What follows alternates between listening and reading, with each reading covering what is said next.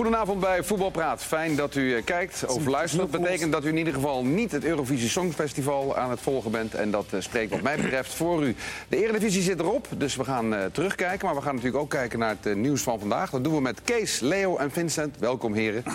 nieuws van de dag, meteen maar even schot voor de boeg.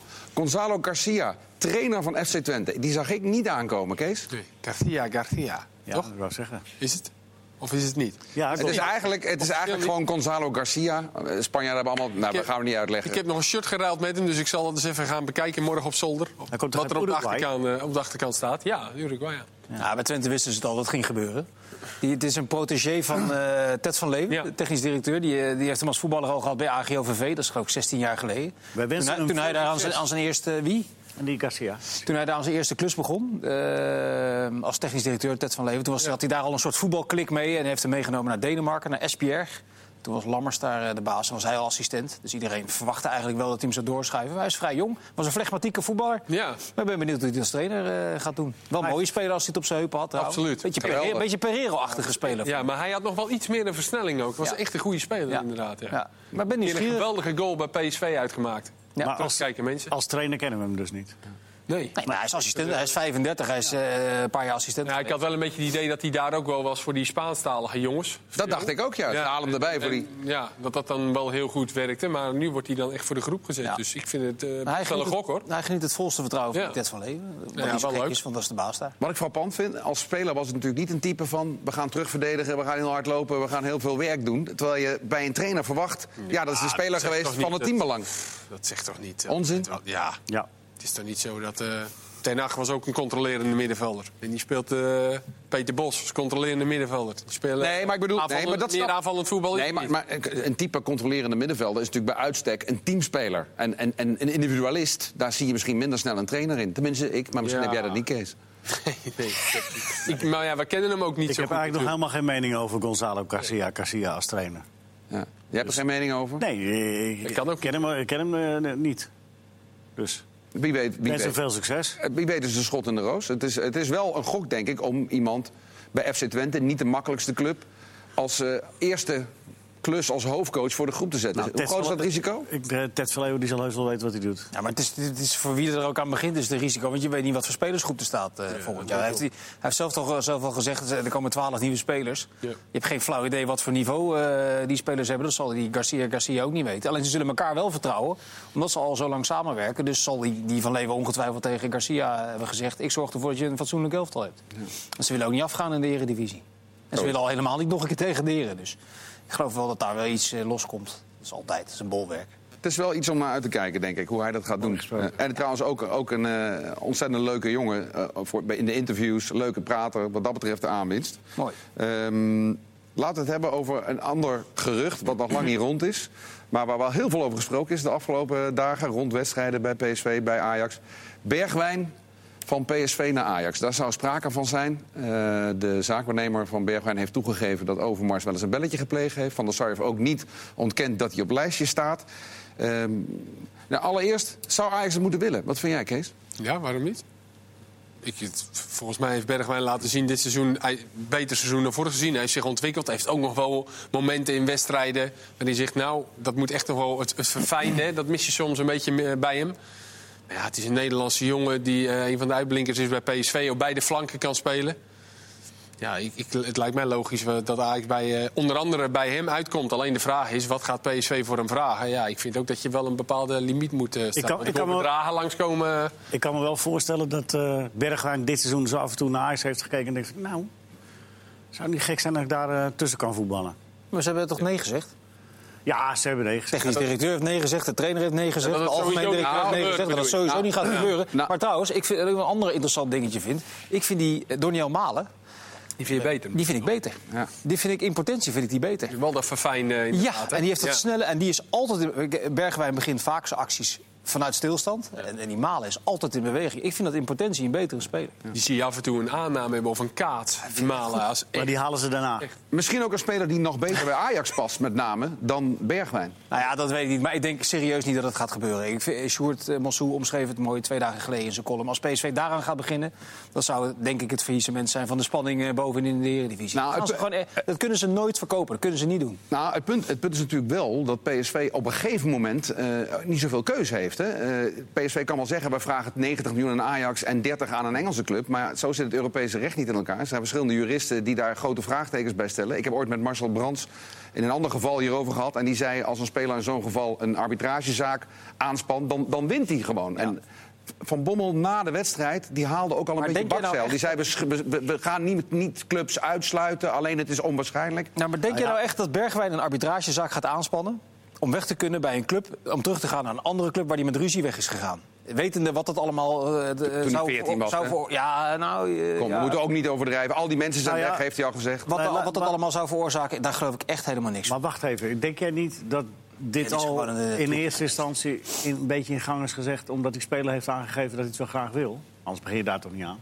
Dat lijkt me Weet, wel. dat is toch speculeren, dat weten we toch niet? Wat ik wel dat weet is dat mij- Overmars dit soort geintjes wel vaker mij- heeft eh, Het geflikt. lijkt mij het meest logische om, om daar te beginnen. Ja, nou wat ik, wat ik weet, dat hoorde ik gisteren. Informeel, te informeren of de speler geïnteresseerd is. Het, het nieuws komt bij Van Koperen vandaan, hè? bij de zaakwaarnemer van eh Ja, maar dat is toch ook de, de- een truc die zo oud is als de weg naar Rome. En wat ik gisteren ook bij PSV weer eens bevestigd kreeg... is dat toen Luc de Jong eh, zijn contract verlengde bij PSV... de dag daarvoor heeft Overmars nog gebeld met het management van de Jong... moeten wij niet nog even praten voordat je handtekening gaat zetten.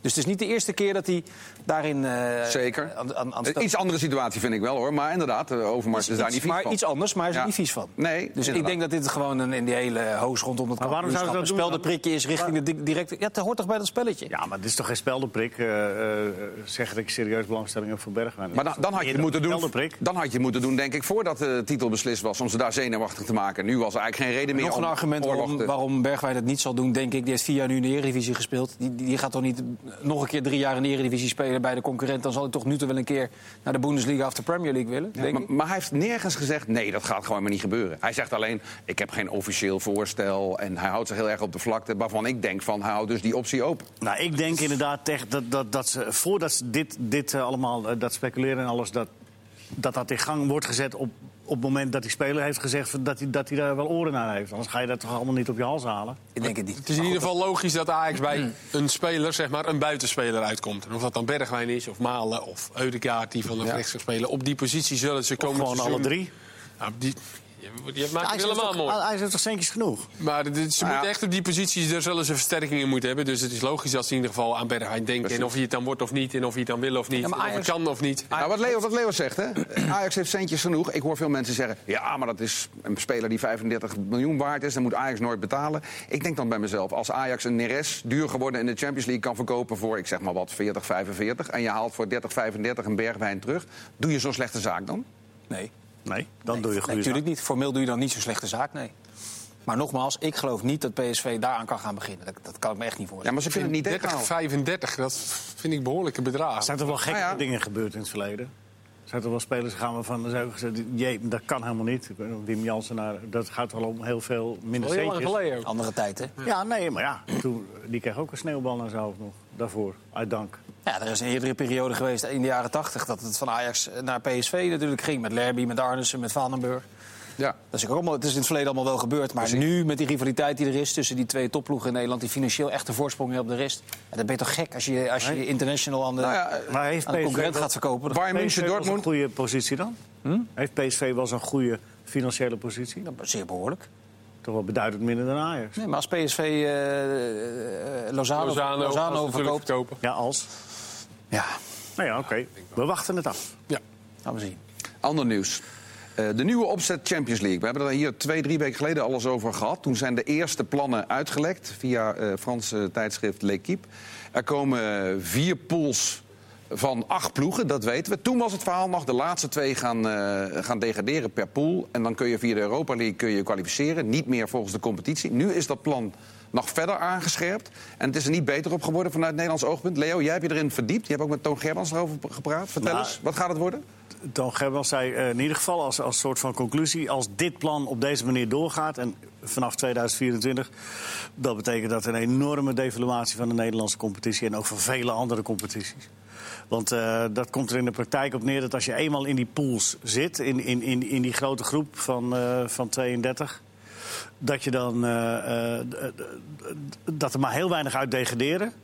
En, eh, Vier, geloof ik, hè? ja, dat is nu het nieuwste plan. En dan worden er twee via de Europa League komen er dan weer in. En twee wildcards. Dus dan moet je maar kijken, dat kunnen ze dan willekeurig per seizoen ook nog een keer bekijken. En wat nog erger is wat gaat gebeuren als die plannen doorgaan, is dat ze in de weekenden willen gaan spelen. En gaan spelen als het eh, zo doorgaat. Omdat ze daarmee de Aziatische markt eh, eh, openbreken. En daar, daar zijn de grote eh, geldsommen te halen. Dus als dat gaat gebeuren, ja, dan, dan betekent dat dat stel dat Ajax of Feyenoord of PSV...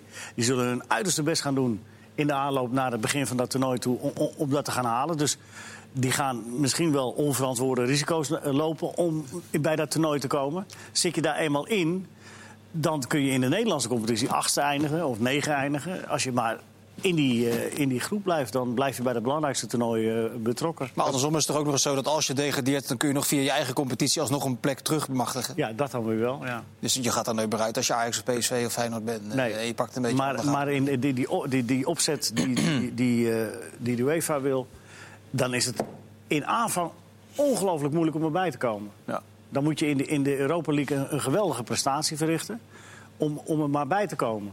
Dus dat wordt heel lastig. Nou heb ik wel, er is vandaag Dit wel dit geldt ander- vanaf 2024, Ja. toch eventueel? Ja. Ja. En er is wel een ander plan gekomen vanuit eh, Frankrijk. eh, eh, dat is zes pools van zes. En eh, eh, eh, waarin bij dan tien speelrondes gespeeld worden. En, en dat er dan, dan nog zeven knock-out fases. En dat er dan eh, wel meer doorstroming is. Waarbij eh, de vierde competitie dan elk jaar weer 24 ploegen weer bij zouden kunnen komen. Maar ja, dat gaan ze niet doen. Want dan Dat is kun een je net, totaal ander plan dus kun je net zo goed de Champions League houden. Eigenlijk. Ja, ja. Dus, eh, maar de- ik- ik, ik vermoed. Ah, zullen we het er verder over hebben als het wat concreter is? Want Ja, is zo. Maar, maar het is wel goed om te weten. Voetbalpraat 2023. Ja, maar, ja, weer maar, ja, nee, maar wacht even. Maar de Het is beslissingen wel- worden nu genomen. het, het is wel goed om te weten dat, dat, dat het gaat gebeuren.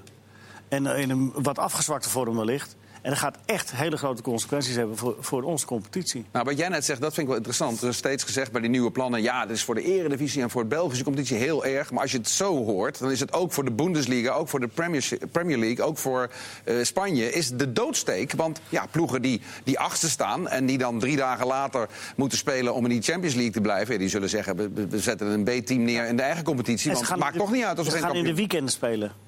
Nou, dus- nou, wel zien het wel. waar, kunnen we, waar kunnen we de weerstand van verwachten? Dat wil ik nog wel even weten. Van Leo en van mij. Ja. te Ja, beginnen. wij zijn Ja. tegen. Nou, als dat geen indruk maakt. Ik ben, ook, ik ben ook niet voor, maar ik denk dat wij minder invloed hebben. Nee, maar wat zullen de krachten zijn die eh, dit misschien kunnen voorkomen? Hooguit de Premier League, dat is hun eigen competitie. Want die kunnen ze heel, heel sterk vermarkten nog steeds. En Ah, voorlopig daar- zijn er maar echt weinig uitgesproken mensen echt voor. Hè. Dat is die Agnelli van Juventus, die Bartomeu van Barcelona. Dat zijn de A-jagers. En de rest van die grote clubs die zijn echt allemaal nog heel erg verdeeld Ja. over dit vraagstuk. Dus daarom denk ik dat het niet... Dat gaat niet binnen nu in een half jaar, een jaar. Maar in eh, afgezwakte vorm gaat gebeuren. Ja, het zal wel iets van een keer een supercompetitie komen, dat, dat zal best. Maar die, die, hoe oud is die Champions League nu? Vanaf 92 wordt dat geloof ik gespeeld? Ja. Is dit misschien ook een schot van de boeg voor, voor de boeg van die clubs? Van we gaan er gewoon met gestrekt been in en dan Nou komt ja, de vaak. weerstand. En dan kijken we of we halverwege ergens. Hè, zo werkt het toch? Vaak wel. Ook halverwege zou al heel vervelend zijn. Ja. Ja, Maar goed, oké. inderdaad. Ehm, laten we naar het Nederlands voetbal gaan. Eh, de play-offs van komend weekend. Eh, we hebben de promotie-degradatie-play-offs. Dat vind ik ongeveer de leukste wedstrijden van het seizoen. En we hebben de Europese play-offs. Dat vind ik zo ongeveer de minst leuke wedstrijden van het seizoen. Zijn je er mee eens? Nou, die, die, die, eh, die, die play-offs voor het Europese ticket, dan moet ik me ieder jaar lach je daar weer eh, kleurenblind om. Want iedereen wil daarin zitten. Dan kunnen ze zeggen, we hebben de play-offs gehaald. Ja. Maar niemand wil hem winnen. Want dat betekent namelijk als speler dat je drie weken eerder terug moet komen van vakantie. Ja. Je moet ergens in de tweede ronde in juni of in juli eh, naar, naar Noord-Portugal of naar Zuid-Letland. Karabach. Ja, en dan, en, dan, 0-1. en dan vlieg je er kansloos uit en dan heb je weer eh, een vervelende start van het, eh, van het seizoen. Dus Ja, ik vind, een het, apart, hele eh, apart, ik, eh, ik vind het heel raar, overigens. Ik, tenminste, ik heb het één keer mogen meemaken en ik vond het fantastisch. En dat kan dan misschien, omdat het met NAC was, wat niet zo veel voorkomend is. Maar ik denk toch ook als je speler bent van Groningen of Utrecht of Vitesse... dan ga je niet eh, Champions League wedstrijden spelen. Dan zijn zulke Nee, wedstrijden... daar of je heb nou- je helemaal gelijk in. en of- Maar, maar als je het gaat over SEC, over die play-off wedstrijden... Die, daar, daar vind ik niet vaak. Nee, Daar ook- vond ik oké, vanaf maar uiteindelijk... Zoals je bij die maar promotie of, jij nou in de, of jij nou in de voorbereiding tegen Oostende een oefenpotje speelt... of je mag eh, naar maar je eh, hebt- Polen een wedstrijd. Ik, eh, ik, ik, ik, ik, ik- wij- ik vond het fantastisch. En Nee, maar je hebt wel denk- gelijk. Ja. Maar, maar tot nu toe is Het het wel straalt niet, het Nee, straalt er dat niet vanaf, dat snap ik. Maar ja, wat, de reden die je aangeeft, dat zal misschien dan wel zo zijn. Maar dat vind ik onbegrijpelijk. Misschien zijn niet alle trainers en spelers stukken liefhebbers zoals jij, Kees. Nee, dat is onzin. Nee, Nee, dat- nee, dat staat er los van. Maar er zijn ook clubs in opbouw en, eh, en, en, eh, spelers die weggaan. En in de tussentijd moet je Precies. er wel weer staan. Selecties zijn nog half af. En, Ja, het is echt een hele lastige combinatie. Maar laten we alsjeblieft hopen dat ze het iets serieuzer aanpakken. Want door eh, de goede resultaten en- en van PSV, en, en, maar ik denk ook van Ajax... zijn we vergeten hoe, hoe, hoe desastreus we begonnen ook, zijn die je, Europese competities. Alles lag eruit binnen voordat we begonnen waren. Nou ja, wat dat betreft moet je ook afvragen, moet je het willen, zo'n play-off? Hè? Want er, er gaan nu vier teams aan die play-offs meedoen. Twee van die teams die verliezen in de eredivisie vaker dan ze winnen. Wat, moet, wat hebben die in Europa te zoeken? Moeten we daar niet vanaf? Moeten we niet con- concluderen dat onze subtop eh, gewoon veel te smal is voor play-offs om Europees voetbal? Ja, maar er moet toch sowieso eentje nog eh, aan met Europa Ja, meedoen? Ik vind het niet zo'n gekke stelling, hoor. Is of de subtop niet sterk genoeg is om een play-off te rechtvaardigen... dat vind ik niet zo'n gekke stelling. moet gewoon een Je bedoelt dat dan gewoon de nummer 5? Ja. ja, precies. Ja, dan heb je de sterkste ploeg Ja. in ieder geval over een langere serie wedstrijden... waar je misschien in een Europees verband wat meer punten mee kan halen. Die, eh, en die weten gelijk waar ze aan toe zijn. Die kunnen daar de, de voorbereiding op afstemmen. Ja, dat nu waar. loopt die play-off door tot wat is het, 28 mei, geloof ik. Of zo. Ja, en- ik en- geloof niet dat onze werkgever deze discussie zo leuk vindt. maar eh, als je, als, je- als je daarop... Af en toe moet je de knuppelend hoen Ja, ook nee, maar als je erover discussieert, dan eh, is het, vind ik niet zo'n gekke stelling. Nee. Nou ja, je ziet ook dat die, dat die play-off wedstrijden, daar begon je al mee, Chris... Die, dat, dat die ook niet de meest populaire zijn. Ook niet bij publiek. En, Nee, eh, de, Half lege stadions. Ja. ja, of half vol, het is maar net hoe je kijkt. Maar, maar, Allemaal kijken, mensen, van de week. Ja. Naar de play-off wedstrijden. Want, want het doet er reuze toe. ja. Beginnen overmorgen. Groningen, Vitesse. En Tot- eh Heracles Utrecht. Ja. Wat is de leukste van die twee? Nee, maar Nou, Groningen Ja, ik speelt vind niet Vitesse echt, wel eh, favoriet. eh. Ja. Ja. En Utrecht ook, denk ik, of niet? Eudegaard is in een bloedvorm Ja, de laatste echt niet normaal. Och, dat Was is gisteren niet ook normaal. goed, hè? werk. Ja. Ja. Maar vorige week, ja, goed, weliswaar tegen de Graafschap, die er niet zoveel van bakte. Maar ieder, bal, ieder balcontact... Bal, nou ja, we zijn hier al zo vaak lyrisch over Ja. hem geweest. Maar het leuke in dat seizoen, je ziet hem dan één keer in de vier, vijf, zes weken spelen. En iedere keer is hij beter dan de vorige keer. En die lijn zet hij vrij consequent door tot dit moment. Hij is nu Ja. echt in een, echt in een eh, weergeloze vorm. Laten we dan maar even doorschakelen. Ajax halen. Ook al kan het alleen met huur. Want dat is natuurlijk altijd een nadeel. Ja, maar ze kunnen hem ook voor twee jaar huren, heb ik begrepen. En trouwens, voor één jaar. Verder moet je toch niet meer kijken tegenwoordig. Ja, Toon Gerbrand zei ooit tegen mij... Een, een goede speler huren moet je nooit doen. Want als hij slaagt, dan is hij daarna twee keer zo duur... waardoor je hem niet meer kan betalen. En de club die eigenaar van hem is, die gaat er dan eigenlijk Ja, ik van denk dat profiteren. Ajax er echt alles op eh, in, in zal zetten om hem te kopen. Dat denk ik in ook. Ja. Eh, want ze kunnen uiteindelijk, hij is nu 20, als je hem eh, vijf jaar contract geeft, hij kan instant op die, die plek van, Tadi, of van eh Ziyech gaan spelen aan de rechterkant als hij zou vertrekken. Maar uiteindelijk zou je hem ook centraal op het middenveld kunnen Ja. spelen. Want hij is zo balvast. Maar het hij dat zoekt dat Real- nu ook iedere keer op. Real wil dat absoluut niet, heb ik begrepen. Wil hem niet verkopen. Ja? Ja, dat je hebt ook kans ja. dat Real natuurlijk, die gaan eh, denk ik echt wel een aantal spelers kopen na eh, zo'n desastreus seizoen. Zeker. Dus heb Ja. je zomaar kans dat dat, dat dat zal dan waarschijnlijk in de voorbereiding eh, dan wel rond gaan komen. Ja, mocht het, maar ook met die financial fair play. Ze kunnen wel 7, 8 spelers willen kopen, maar dan zullen ze ook spelers Weg, moeten ja. verkopen. Ja. En dan kan je Eudegaard misschien wel voor, ja, ik zou het niet eens weten. wat- 30 miljoen? Dan, Ik, ik gooi maar gewoon even. ja, ik 20 veel, ik vind het allemaal, mij, ja, dat het is al allemaal wel... eh, Moet, je, moet je 30 miljoen voor Eudegaard betalen? Ja hoor. Nou, 30. Nou, voor mij moet niks, maar... veel, hè? Nou ja, ik vind het potentieel wel een echte topper. Ja, ik ook. Alleen hij heeft natuurlijk alleen nog aan de eredivisie laten zien... Ja. een half seizoen, dat hij heel erg goed kan voetballen. Ja, maar het zou voor de Nederlandse voetballiefhebber gewoon geweldig Ja. zijn als hij, als, hij, als hij in de Eredivisie Eens. blijft. Klaar. Eens. Die andere play-offs. Wordt vervolgd. Eh, ik wil het vooral even hebben over de eredivisieclubs die nu gaan eh, instromen. We krijgen Cambuur de Graafschap en we krijgen RKC Excelsior. Waarom wil je het alleen maar over die hebben? Ik heb, eh, ik heb wil toch even inbreken. Ja, ik, In eerste instantie zei ik Nee, maar ik heb al NEC RKC gedaan, twee wedstrijden. En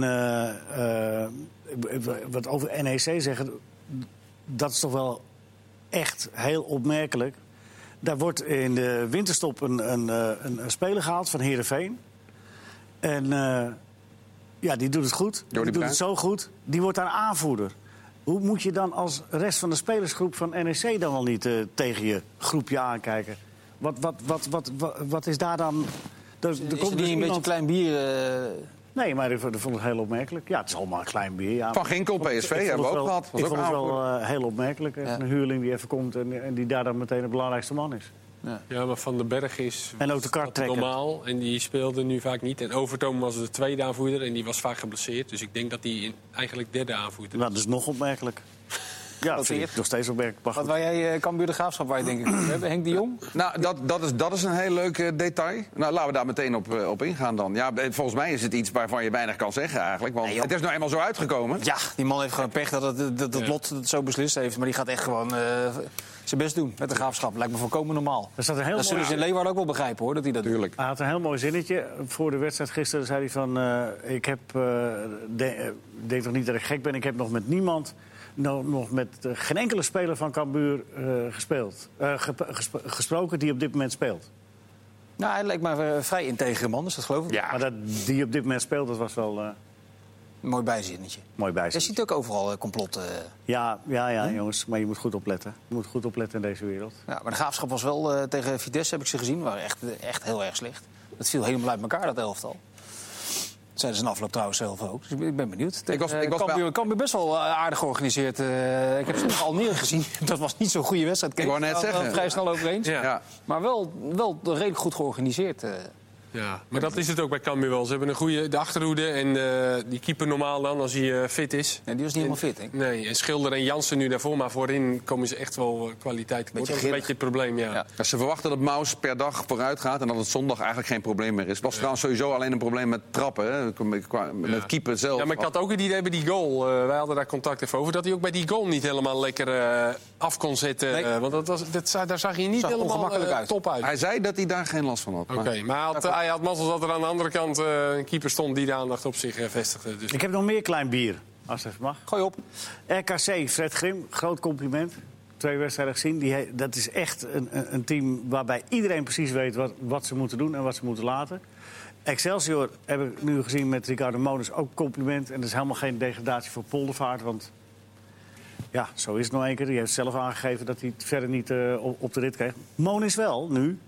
De afgelopen twee wedstrijden negen doelpunten. En ik heb ze gisteren zien spelen tegen AZ. Nou, eh vonken vlogen er vanaf. Leuk. Ja, hoe, goed, hoe goed waren ze? Want je denkt natuurlijk onmiddellijk van... Ja, ze waren winnen van. Heracles en Ja, AZ en die maar- hebben niks meer voor te spelen. Ja, dat, dat maakt niet uit. Die AZ wilde niet verliezen gisteren hoor. En zeker niet omdat het de laatste wedstrijd van Van der Brom was. Maar die hebben zich vanaf minuut 1 vergist in, eh, in, in Excelsior. En, en zijn slap aan de wedstrijd begonnen. Maar ook in de fase dat ze probeerden te herstellen.